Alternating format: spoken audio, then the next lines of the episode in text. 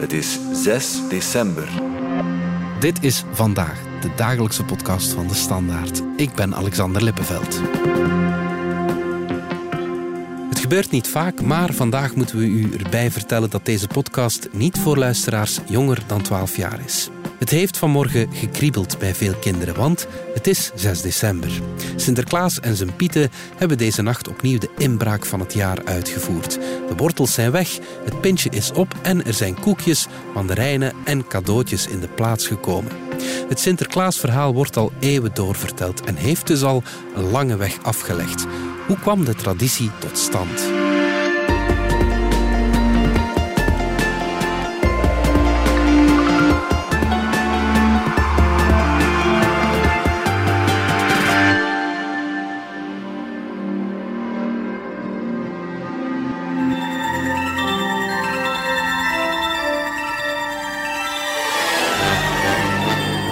Ieder Belgisch kind weet wie Sinterklaas is.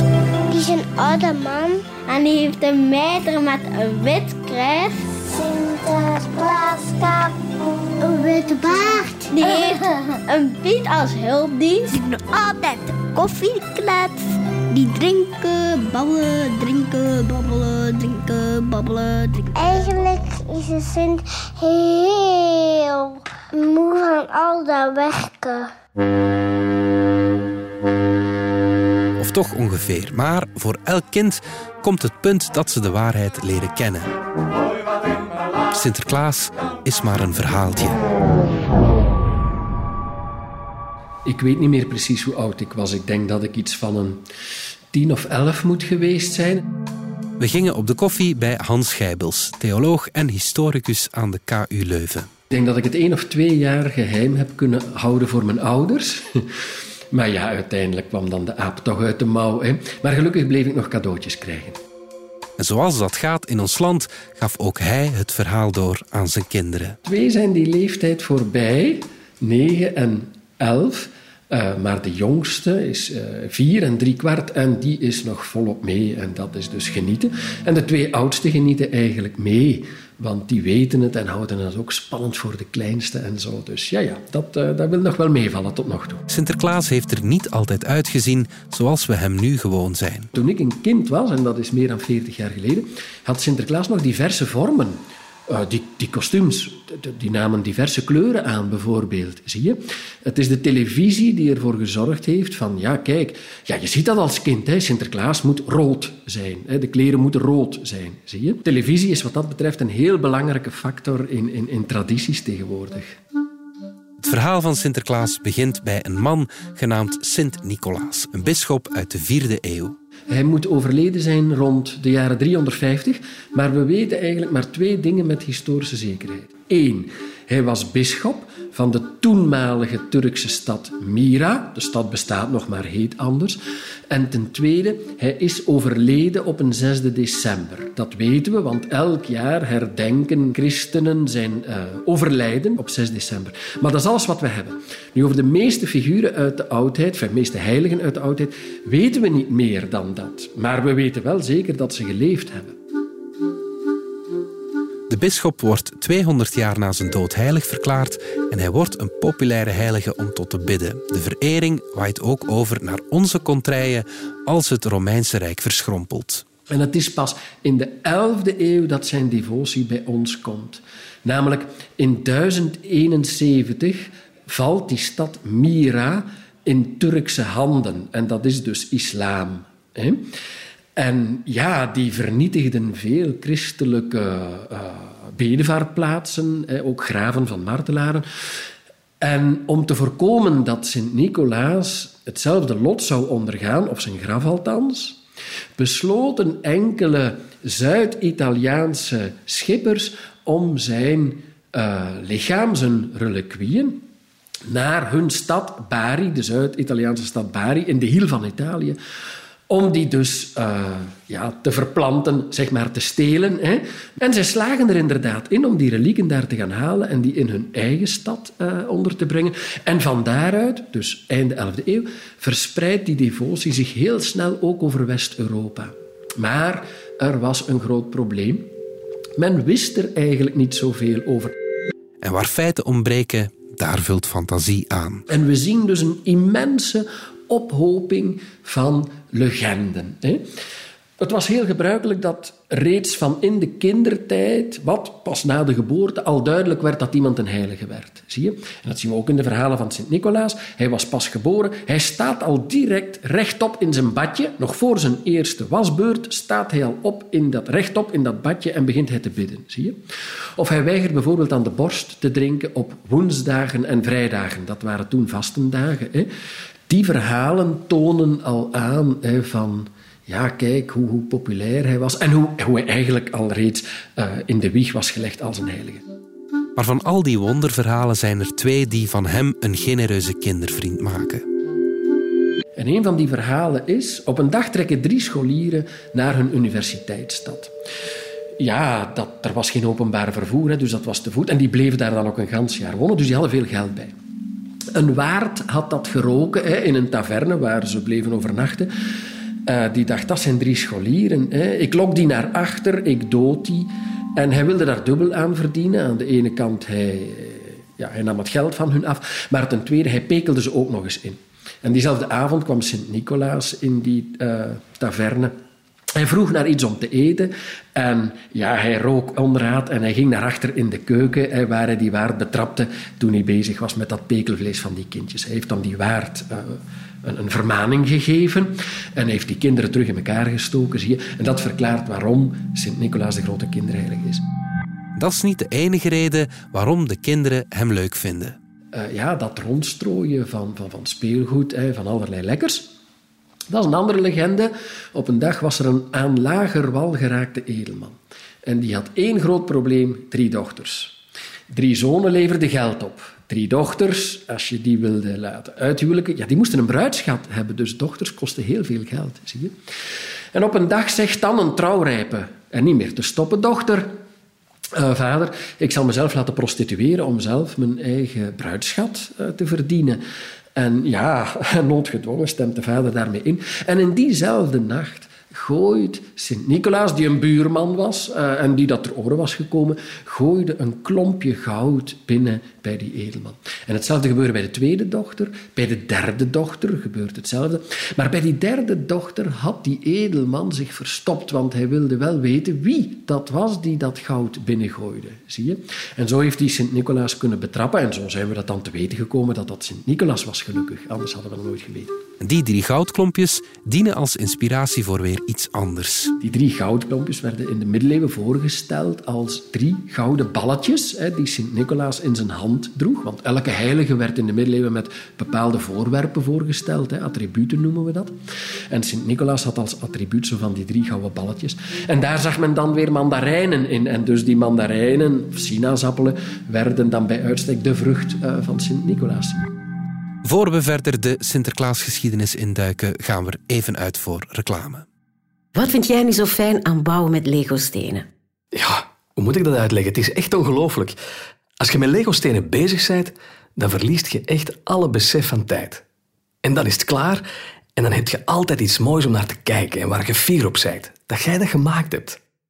73% van alle volwassenen is op zoek naar nieuwe manieren om even los te breken uit de dagelijkse hectiek.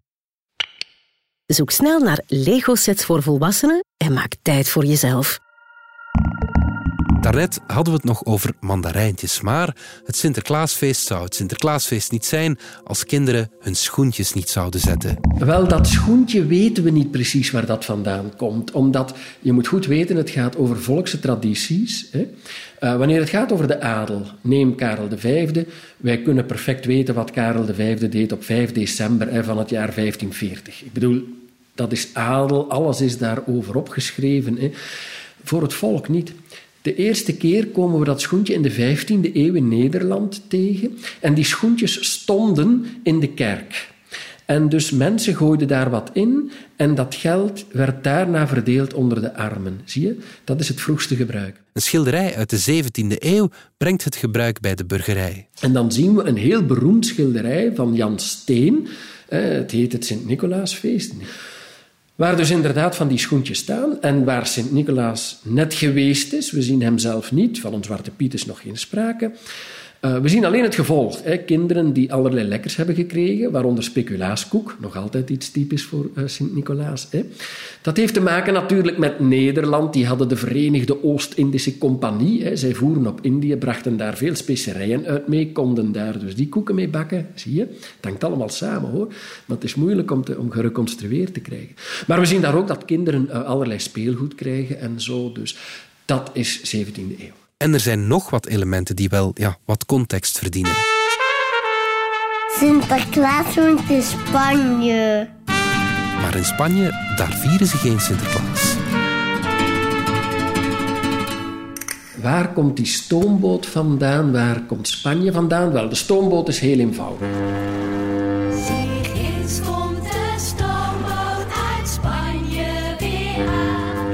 In 1850 schrijft Jan Schenkman, een onderwijzer, een heel belangrijk boekje over Sint-Nicolaas. Kijk, ik heb daar straks gezegd, televisie is heel belangrijk hè, om tradities één te maken hè, en verder te verspreiden. Ze maken tradities gelijkvormig. De televisie maakt... Hè, wij vieren allemaal Sinterklaas zoals televisie het ons toont.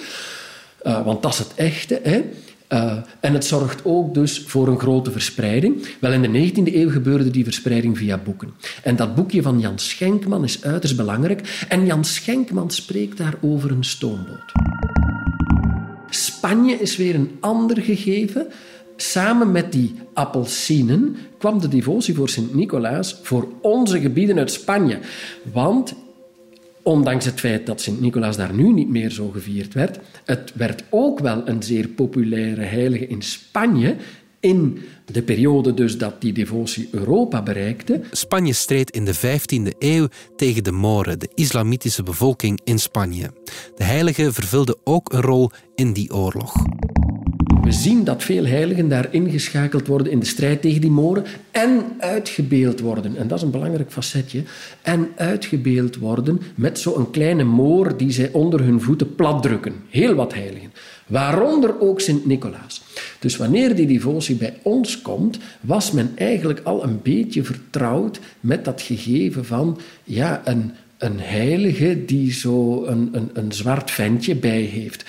Maar natuurlijk, bij ons waren in die tijd geen moren. En bij ons werd dat dan vrij snel geïnterpreteerd als een knechtje. En inderdaad, we geraken stilaan in de periode, de, de, de 16e, 17e eeuw, we geraken stilaan in de periode dat de slavernij op volle toeren begint te draaien. En ja, dat waren vaak zwarte knechten natuurlijk. Hè.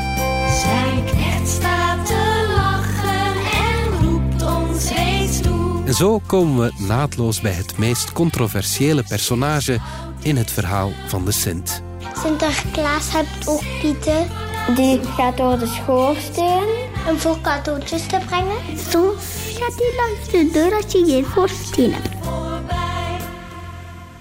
We zien dat in vele landen Sint-Nicolaas wordt begeleid door een hulpje. Oké, Dat is een hele duivelse en een slechte figuur.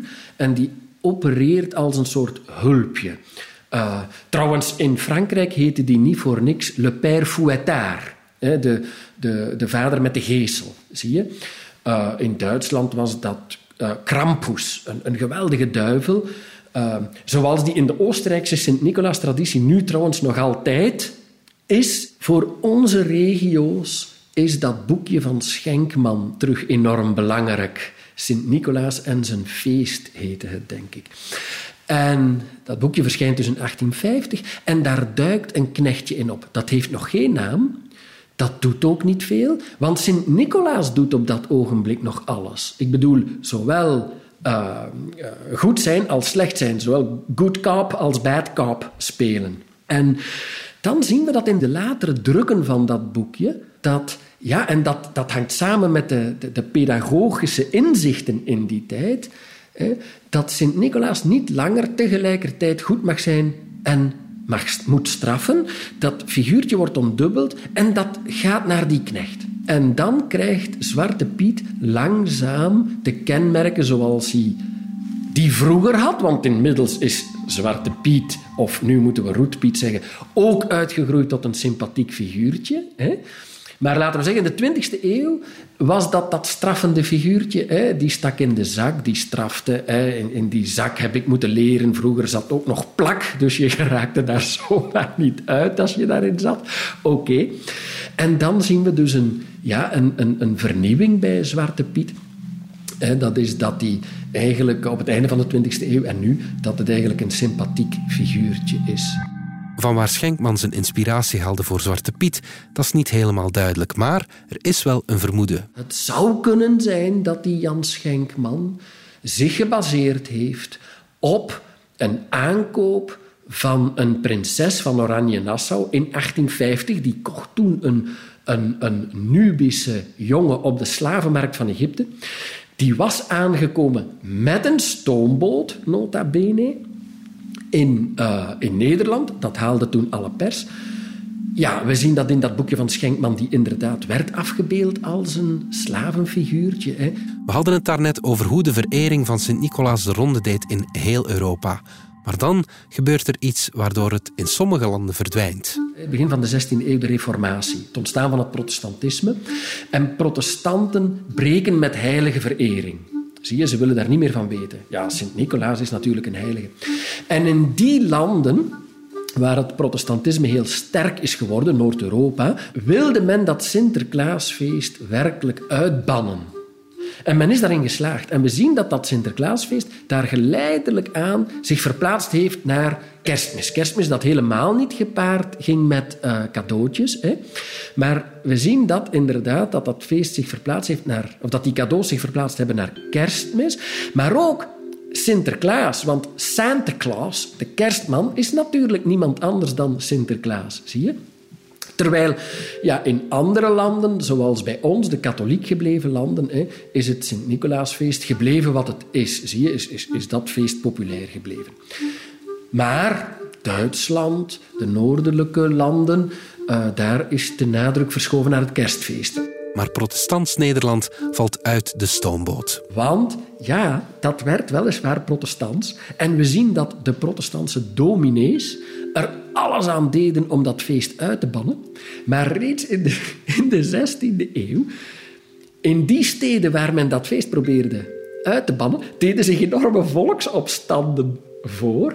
En dus ja, tot op de dag, en dat is heel bizar, tot op de dag van vandaag in het protestantse Nederland en zelfs in protestantse kringen is dat feest nog populairder dan in katholieke kringen. En dus zal het feest niet snel verdwijnen. Eh, nee, ik zie het Sinterklaasfeest helemaal niet snel verdwijnen. Integendeel zelfs. En een van de belangrijke uh, redenen daarvoor is, zijn de scholen natuurlijk, hè, die daar werk van maken. Ja, ze, ze dwingen tussen aanhalingstekens uh, de ouders om, om, mee te doen natuurlijk, zie je. Maar het is natuurlijk ook een heel mooi feest, hè, ongeacht dat de scholen dat nu doen of niet. Dus, en wat dat betreft zie ik het nog heel, heel lang uh, bestaan. Ja. En we moeten eerlijk zijn, er valt ook geld mee te verdienen. Ja, het Sinterklaasfeest is, is ook altijd een, een, een commercieel feest geweest. Laten we dat niet vergeten. Hè. Uh, in het verleden was het een, een, een hoogtepunt voor de bakkers. Tot op zekere hoogte is het dat nu nog. Nu komen daar de speelgoedfabrikanten bij, ja, die louter eigenlijk in het teken staan van, van commercie. Hè. En, en Sinterklaas is daar echt uh, met merknaam eigenlijk speelgoed aan het verkopen. Hij speelt daar zogezegd zelf mee. Uh, iets dat heel populair is, zal ook altijd economisch uitgebuit worden. Ik hoop dat de magie daardoor niet verdwijnt. En dat is een verantwoordelijkheid van ouders, denk ik. Ik zie ook wel bijvoorbeeld dat dat de televisie, enfin, dan, dan vooral de nationale zender, hè, dat daar de waarden centraal blijven staan en dat het daar nog altijd gespeend is van elke commercie. En dat vind ik echt ongelooflijk belangrijk. Ik vind ook ongelooflijk belangrijk dat de zender het feest openhoudt voor iedereen en er iedereen wil bij betrekken. Sinterklaas is voor iedereen. Uh, en, en ja, dat is de magie van het feest. En, en ik hoop dat die lang mag bestaan blijven. En zo hebben we het Sinterklaasverhaal toch nog maar een keer verteld, maar dan wel de lange versie. Sinterklaas kapoentje. Geniet van alle chocola. Blijf nog even hangen, want ik heb een bijzondere luistertip. 22 maart 2016. Dat is de dag waarop de aanslagen op de luchthaven van Zaventem en in metrostation Maalbeek zijn gepleegd. Die datum, maar ook de beelden, de chaos, de paniek, ze staan bij iedereen op het netvlies gebrand. Maar wat gebeurde er voor de bommen ontploften? Hoe werden de aanslagen beraamd en wie zijn de daders die hiertoe in staat waren? Mijn naam is Cedric Lagast, journalist bij Nieuwsblad. En voor onze True Crime podcast De Stemmen van Assise maakte ik een vierdelige reeks naar aanleiding van de start van het proces in Brussel. Beluister de aanslagen van De Stemmen van Assise en je favoriete podcast-app.